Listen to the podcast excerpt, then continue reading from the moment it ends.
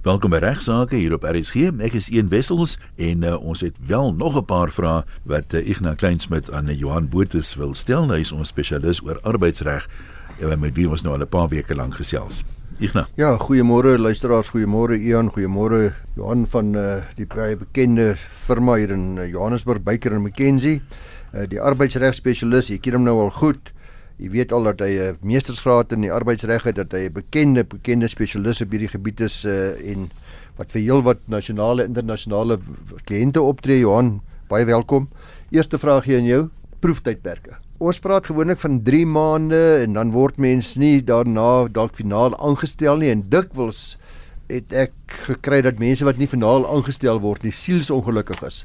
Hulle wil die detail, hulle weet presies wat hulle verkeerd gedoen het en, en wat het gebeur en wat het nie gebeur nie. En uh, die vraag wat 'n luisteraar vra is of die toets dan nou anders is as by gewone afdanking. Want daar's ook 'n persepsie dat proeftydperk eintlik nie veel beteken nie. Dit eintlik met dieselfde, jy eintlik nie iemand kan laat gaan behalwe as jy dieselfde toets kan bewys. Die bewyslas is baie dieselfde as by afdanking maar daar is tog verskille. Wil jy net vir ons 'n bietjie daarna kyk en verduidelik nie asseblief? Sekerlik. Uh, môre ek dan môre 1. Wat is 'n proeftydperk? Proeftydperk probation soos wat die die Engelse vir ons sê, is 'n periode waar die werkgewer 'n nuwe werknemer se diensprestasie kan evalueer om te bepaal of die persoon wel die mas gaan opkom in 'n nuwe werksplek. Met wanneer besighede mense aanstel in vakante poste. Uh, ons het al gesels oor hierdie ehm um, uh, werwingsproses en dat dit glad nie wetenskaplik is uh, soos dit ons graag sou wou hê dit moet wees nie, nê. Maar wanneer jy mense aanstel, neem jy maar eintlik 'n kans. Jy neem 'n kans dat hierdie persoon wel gaan inpas in die werksplek en die werk sal kan doen wat hulle in die onderhoud vir jou gesê het hulle hulle sal kan doen. So werwingsbesluite is is beslis valbaar. Mense, jy weet, mense bak witbroodjies gedurende onderhoud, hulle skiet baie keer bietjie spek en selfs ervare bestuurders maak gereeld verkeerde besluite um, oor oor die mees geskikte kandidaat.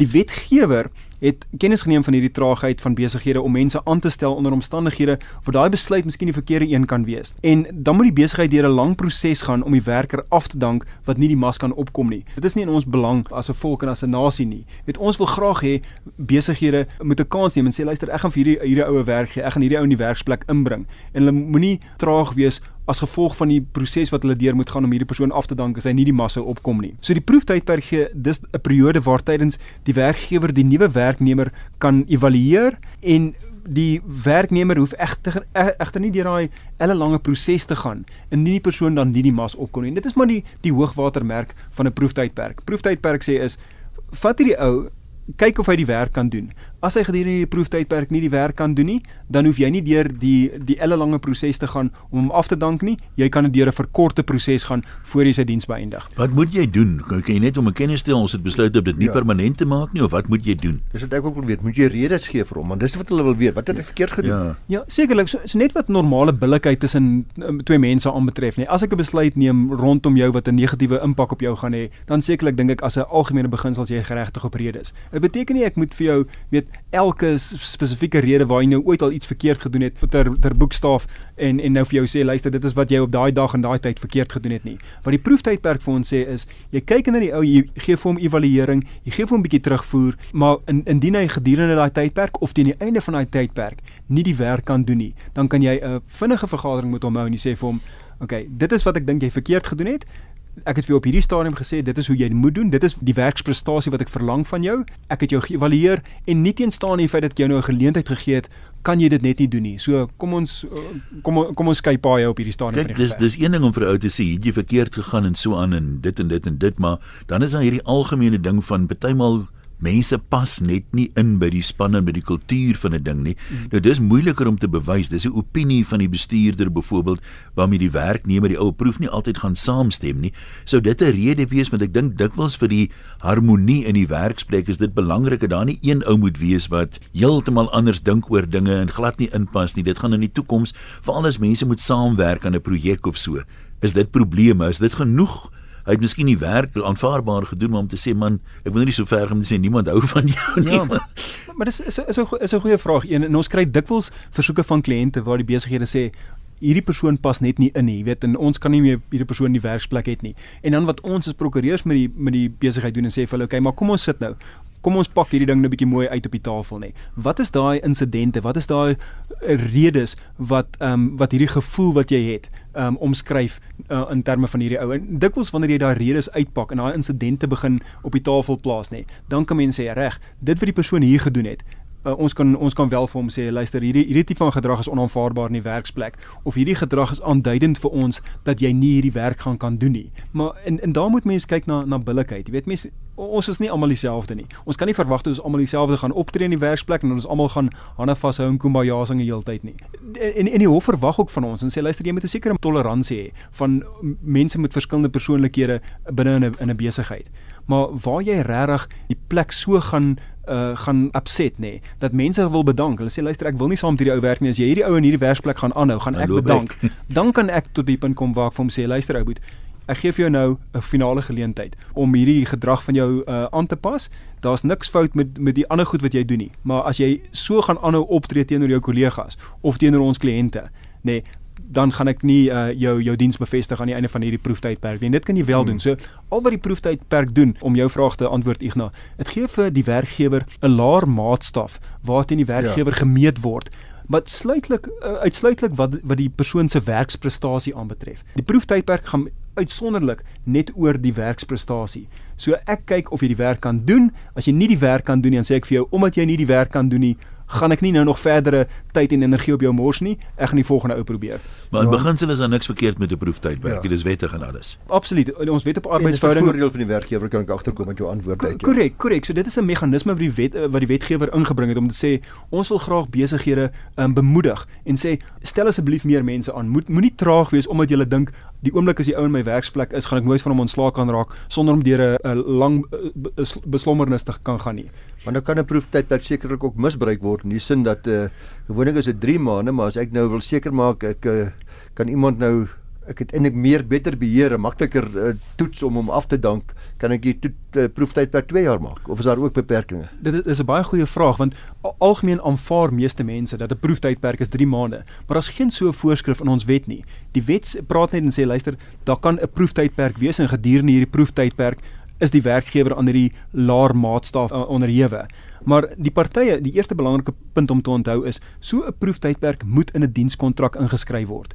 Die wet lees nie so 'n dienstyd 'n uh, proeftydperk in 'n kontrak nie. As dit nie in die kontrak is nie, kan die werkgewer nie na die tyd daarop steun en sê maar luister, hierdie ou is nou in die eerste 3 maande van sy van sy kontrak in uh, onmiddellik moet daar uh, of outomaties is daar 'n proeftydperk nie. Jy moet so 'n proeftydperk in die kontrak sit en jy moet die tydperk van daai proeftydperk um, omskryf in die in die kontrak.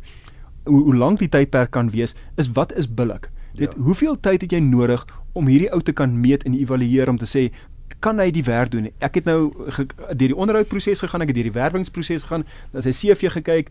Ek dink hy kan die werk doen, maar toe ek hom vir 'n week in die werksplek gehad het, het dit vir my duidelik geword dat dit wat hy vir ons in die onderhoud gesê het hy kan doen, kan hy nie doen nie. En in 2 jaar sal in my voorbeeld nie billik wees nie. Maar 100 100% nie. Ek kan nie dink aan 'n aan 'n voorbeeld waar 2 jaar wel 'n geldige dienstydperk ja. kan wees nie.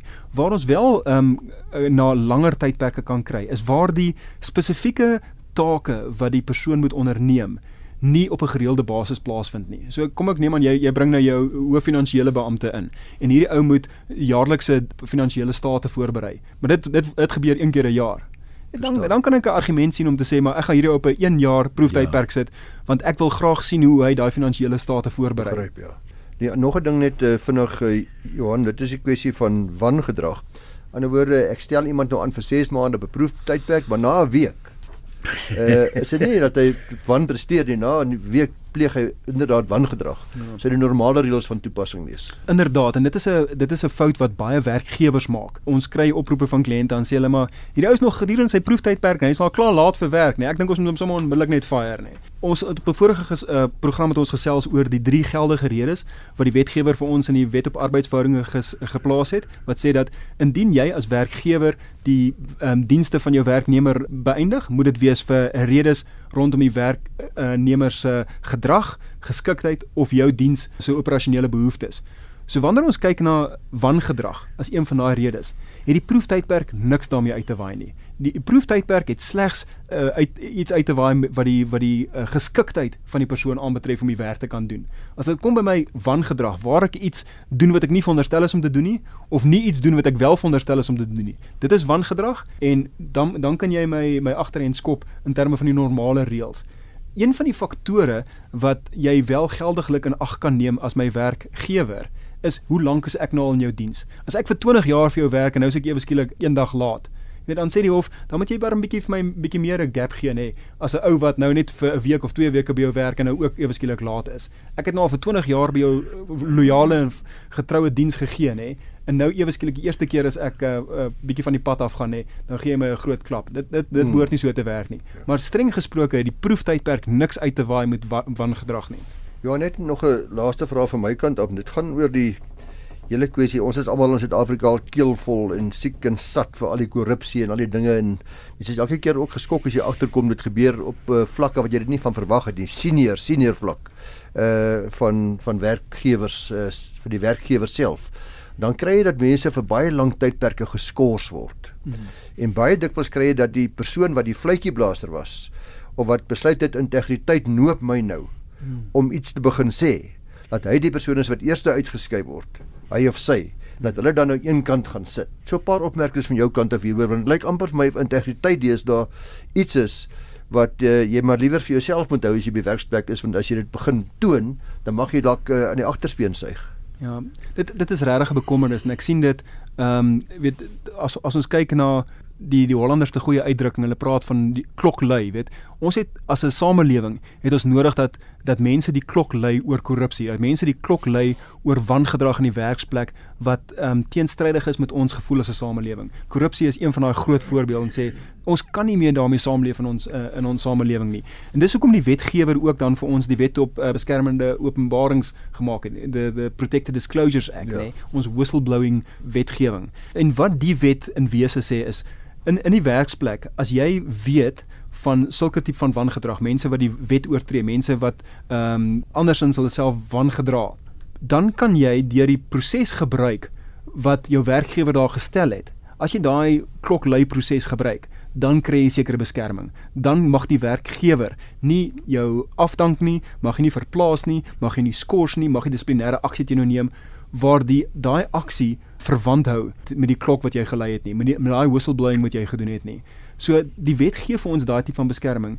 Ek probeer nie vir 'n oomblik sê luister, daar in praktyk is daar nie gevolge nie en mense moet moet mooi besin oor hoe hulle deur hierdie proses gaan nie. Ek kan net vir jou sê dat as 'n samelewing het ons soeke mense nodig. Ons het uh, al die beskerming nodig wat hulle kan kry. En sekerlik van 'n regsperspektief, die howe kom tot daai ouens se se bystand en hulle hulle is behulpsaam met hulle. Maar ek ek het begrip daarvoor dat dit 'n baie lang, 'n moeilike en ehm um, alleen pad is wat soeke mense ehm um, maar stap. Ek nou is dit uh, al van jou kant af. Ons gaan jou verskoon as ek dit nie mis het nie uh, na die maraton sessie. Niemand het stamina nie, né? Nee, wragtig.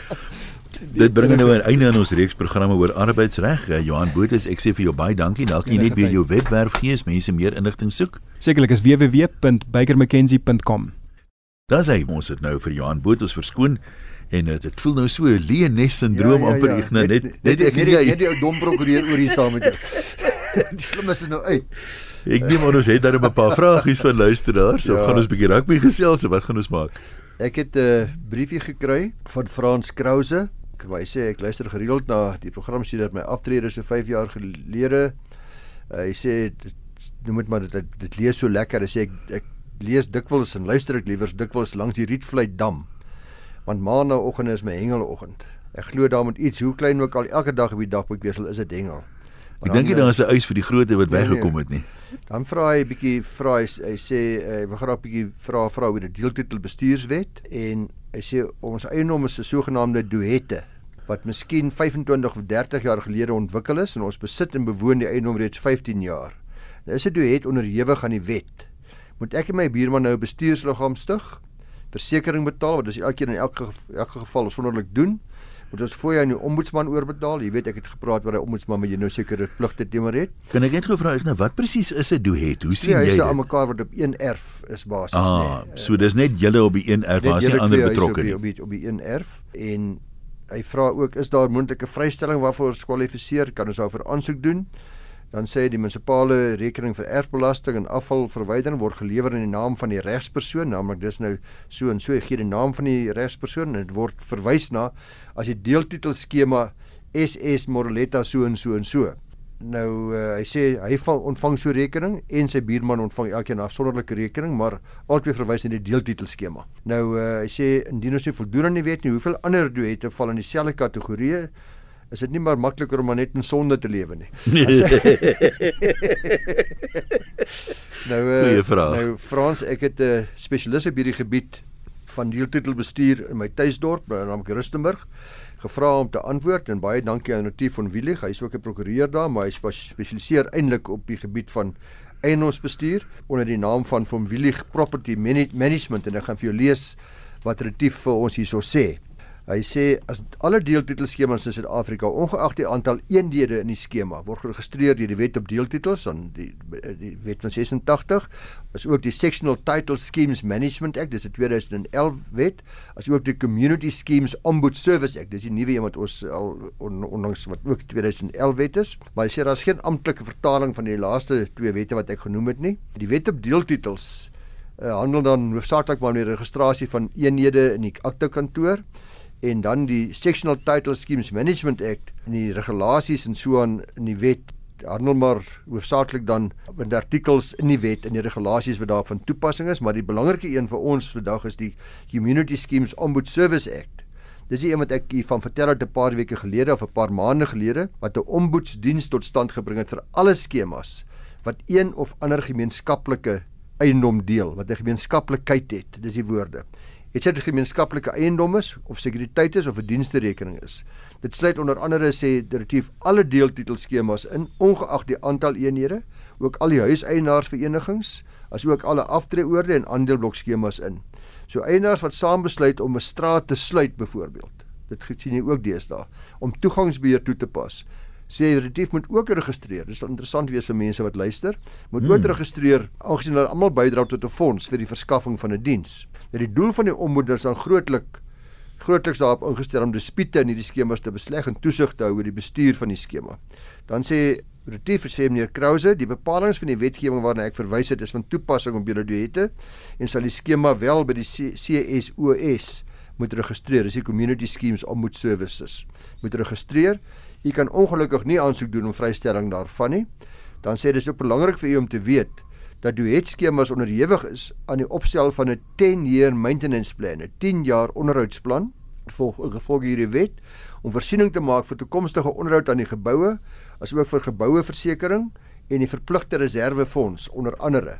So besluite wat geneem word deur die eienaars wat nou die hele twee se geval albei trustees sal wees sê, word bepaal deur die grootte van die vloeroppervlakte van die eenheid. Dis sal die eienaar met die grootste eenheid die grootste stem hê, die swaarste stem om so te stel, geval waar hulle besluite van gemeenskaplike aard moet neem. As my eenheid 2000 vierkante meter is en jou nou 1000 dat ek 66.6% stem en jy net 33.3%. Ek dink egter sê retief wanneer meer Krause en sy mede-eienaar hulle skema registreer, moet hulle 'n eenparige resolusie geteken deur albei eienaars onderteken dat sekere beswarende en ontoepaslike bepalinge in die wet nie op hulle van toepassing sal wees nie. So hulle kan daaruit uitkontrakteer. Kan 'n mens dit uitsluit die Hy wet? sê hy kan dit uitsluit. Hy sê derhalwe sal hulle sonde nie so groot wees soos die mense wat net niks gedoen het nie. Kan dan seker goed uitsluit byvoorbeeld dat die skema geen heffing sal betaal nie. Ons is net ons twee, ons gaan nie heffings elke maand betaal nie. O, elke eienaar sal sy eie versekerings uitneem byvoorbeeld. En individueel sal ons verantwoordelik wees vir die onderhoud van elkeen van ons eenhede. So kan dit kom in die plek van daai 10 jaar plan wat wat jy Dit net sal van deel van gepraat die het. 10 jaar plan wees, maar dis sê ons het 'n plan, maar ons sluit hierdie goeder sal ons dit op so en so doen. Uh, daar sal dus geen maandelikse heffings dan betaalbaar wees nie en sê eh uh, die wys vermening dat die jaarlikse opgawes dan nie nodig is om uh, geliaseer te word by die CSOS nie, want daar's eintlik niks om te rapporteer nie, want julle het gesê julle gaan dit self elkeen afsonderlik doen. As hulle 'n eenparige besluit neem, kan hulle nie sê dat die CSOS wet en die STSMA wet nie op hulle van toepassing sal wees nie. Dit bly altyd van toepassing. Al wat hulle sê, hulle sluit sekere dele daarvan uit. Hulle reël dit anderste uh sodat dit nie nodig is om soos in groter skemas dit uh, jaarliks aan die aan die aan die omboed te, te rapporteer nie. So dan sê sluit hy af om te sê ons voorstel is dat hulle 'n prokureur wat hierop spesialiseer nader om die besluit te bewoord. Nou dink in die meeste gebiede, ek weet nie seker waar uh, Frans is in Moroleta Park, in die ge meeste gebiede is u welkom om 'n uh, om 'n prokureur te gaan vra wie spesialiseer hierin. U is ook baie welkom om uh, sê Retief, uh, ek kan maar sy e-posadres vir julle Ja, gee. liefde. En e-posadres van Retief is retief is R E T E F .vpm. So Victor Pieter Marie by telkomsa.net. So is retief.vpm by telkomsa.net en uh, en hy sal vir u behulpsaam kan wees natuurlik in sy professionele hoedanigheid. Die 10 jaar plan is nogal vir my interessant want ek dink die gemiddelde individuele huiseienaar verf maar soos nodig. Ek weet nie of ouens regtig 'n formele plan het daarvoor nie. jy sien uh, Ian ongelukkig sê die wet dit is op alle deeltitelskemas van Ja. ja. toepassing en al hierdie eiendom ag by die al hierdie plekkies by die see, al hierdie skemas moet almal 'n 10 jaar plan indien en ek uh, wil my verstout om te sê ek dink op hierdie stadium in die omboed is nou al 'n rukkie aan die gang is daar nog bitter bitter min skemas wat aan al die vereistes van die wet voldoen uh, het. Hulle voel voel nog maar daaraan. Ja. Hulle hulle vat vat nog maar en dink die omboed is ook nog besig om maar voete te vind en mettertyd sal daar stadig maar seker sal al hierdie goed uh, meer afgedwing word. Op hierdie stadium nog nie regtig nie. Het jy nog iets korterigs wat ons mee kan afsluit vandag? Ja, ek het uh, al die verlede hierdie kwessie bespreek, Jan luisteraars, maar kry steeds talle soortgelyke klagtes en ek verwys al hierdie luisteraars uh, wat kla oor die sogenaamde vakansieklubs, die puntestelsels ensovoorts. Verwys ek maar na die Vryheidsfront Plus wat aangedui het dat hulle baie aktief is om die publiek by te staan in hierdie verband. Die luisteraars kan skryf aan help by vfplus.org.za en daar sal dan aan u 'n vorm gestuur word vir voltooiing en na terugsending van die vorm sal hulle dan sorg dat hierdie vorm van u by die NVK, dis die Nasionale Verbruikerskommissie afgelewer word. Daar word nou al, moet ek sê uh, tot groot frustrasie van ek dink uh, almal wat hierby betrokke is, word al vir jare gewag op stappe deur die verbruikerskommissie wat hulle beloof het om na te kyk om wetgewing te laat wysig en ek dink hulle het waarskynlik al honderde indien nie duisende van luisteraars wat hulle nood en hulle lot bekla en hulle frustrasies uiter teenoor die NVK as gevolg van wat gebeur in hierdie bedryf van die vakansieklubs nie. Maar uh ongelukkig daar nog nie veel gebeur nie. Ek het 'n gesprek gevoer met die persoon by is Niels by die Vryheidsfront Plus.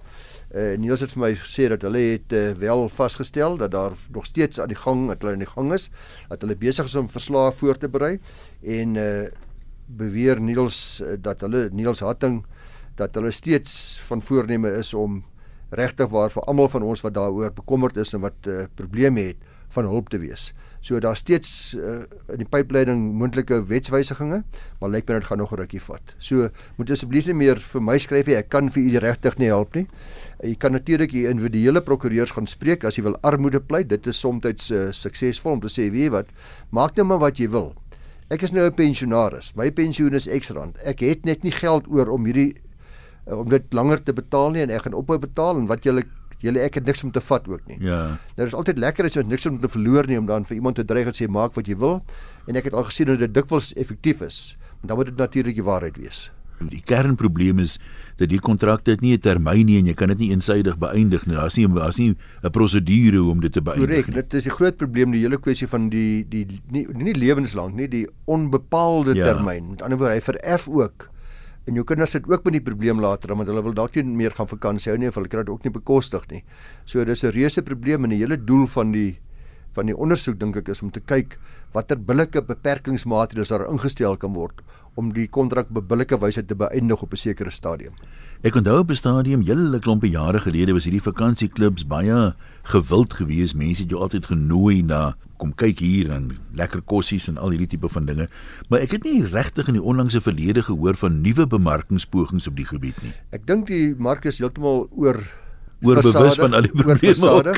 En die ander ding wat gebeur wat mense geweldig oor kla, afgesien van wat ons nou sê, ag die onbepaalde termyn van die kontrak, is die feit dat daar word voorstellings gemaak wat sekere vakansieklubs net nie aan kan voldoen nie. Met ander woorde, jy verwag jy kan daarmee Junie maand en Desember bietjie gaan kuier, maar uiteindelik as jy moet 5 jaar voor die tyd kan jy nie regtig ja. by vakansietye ek so werk. oorverkoop. Ek het net vakansie sê maar Julie of net Desember, dan kan ek nooit gaan nie want dit is net nooit beskikbaar nie. Die daar's oorbemark, daar's oorverkoop en daar's onder uh, aanbod.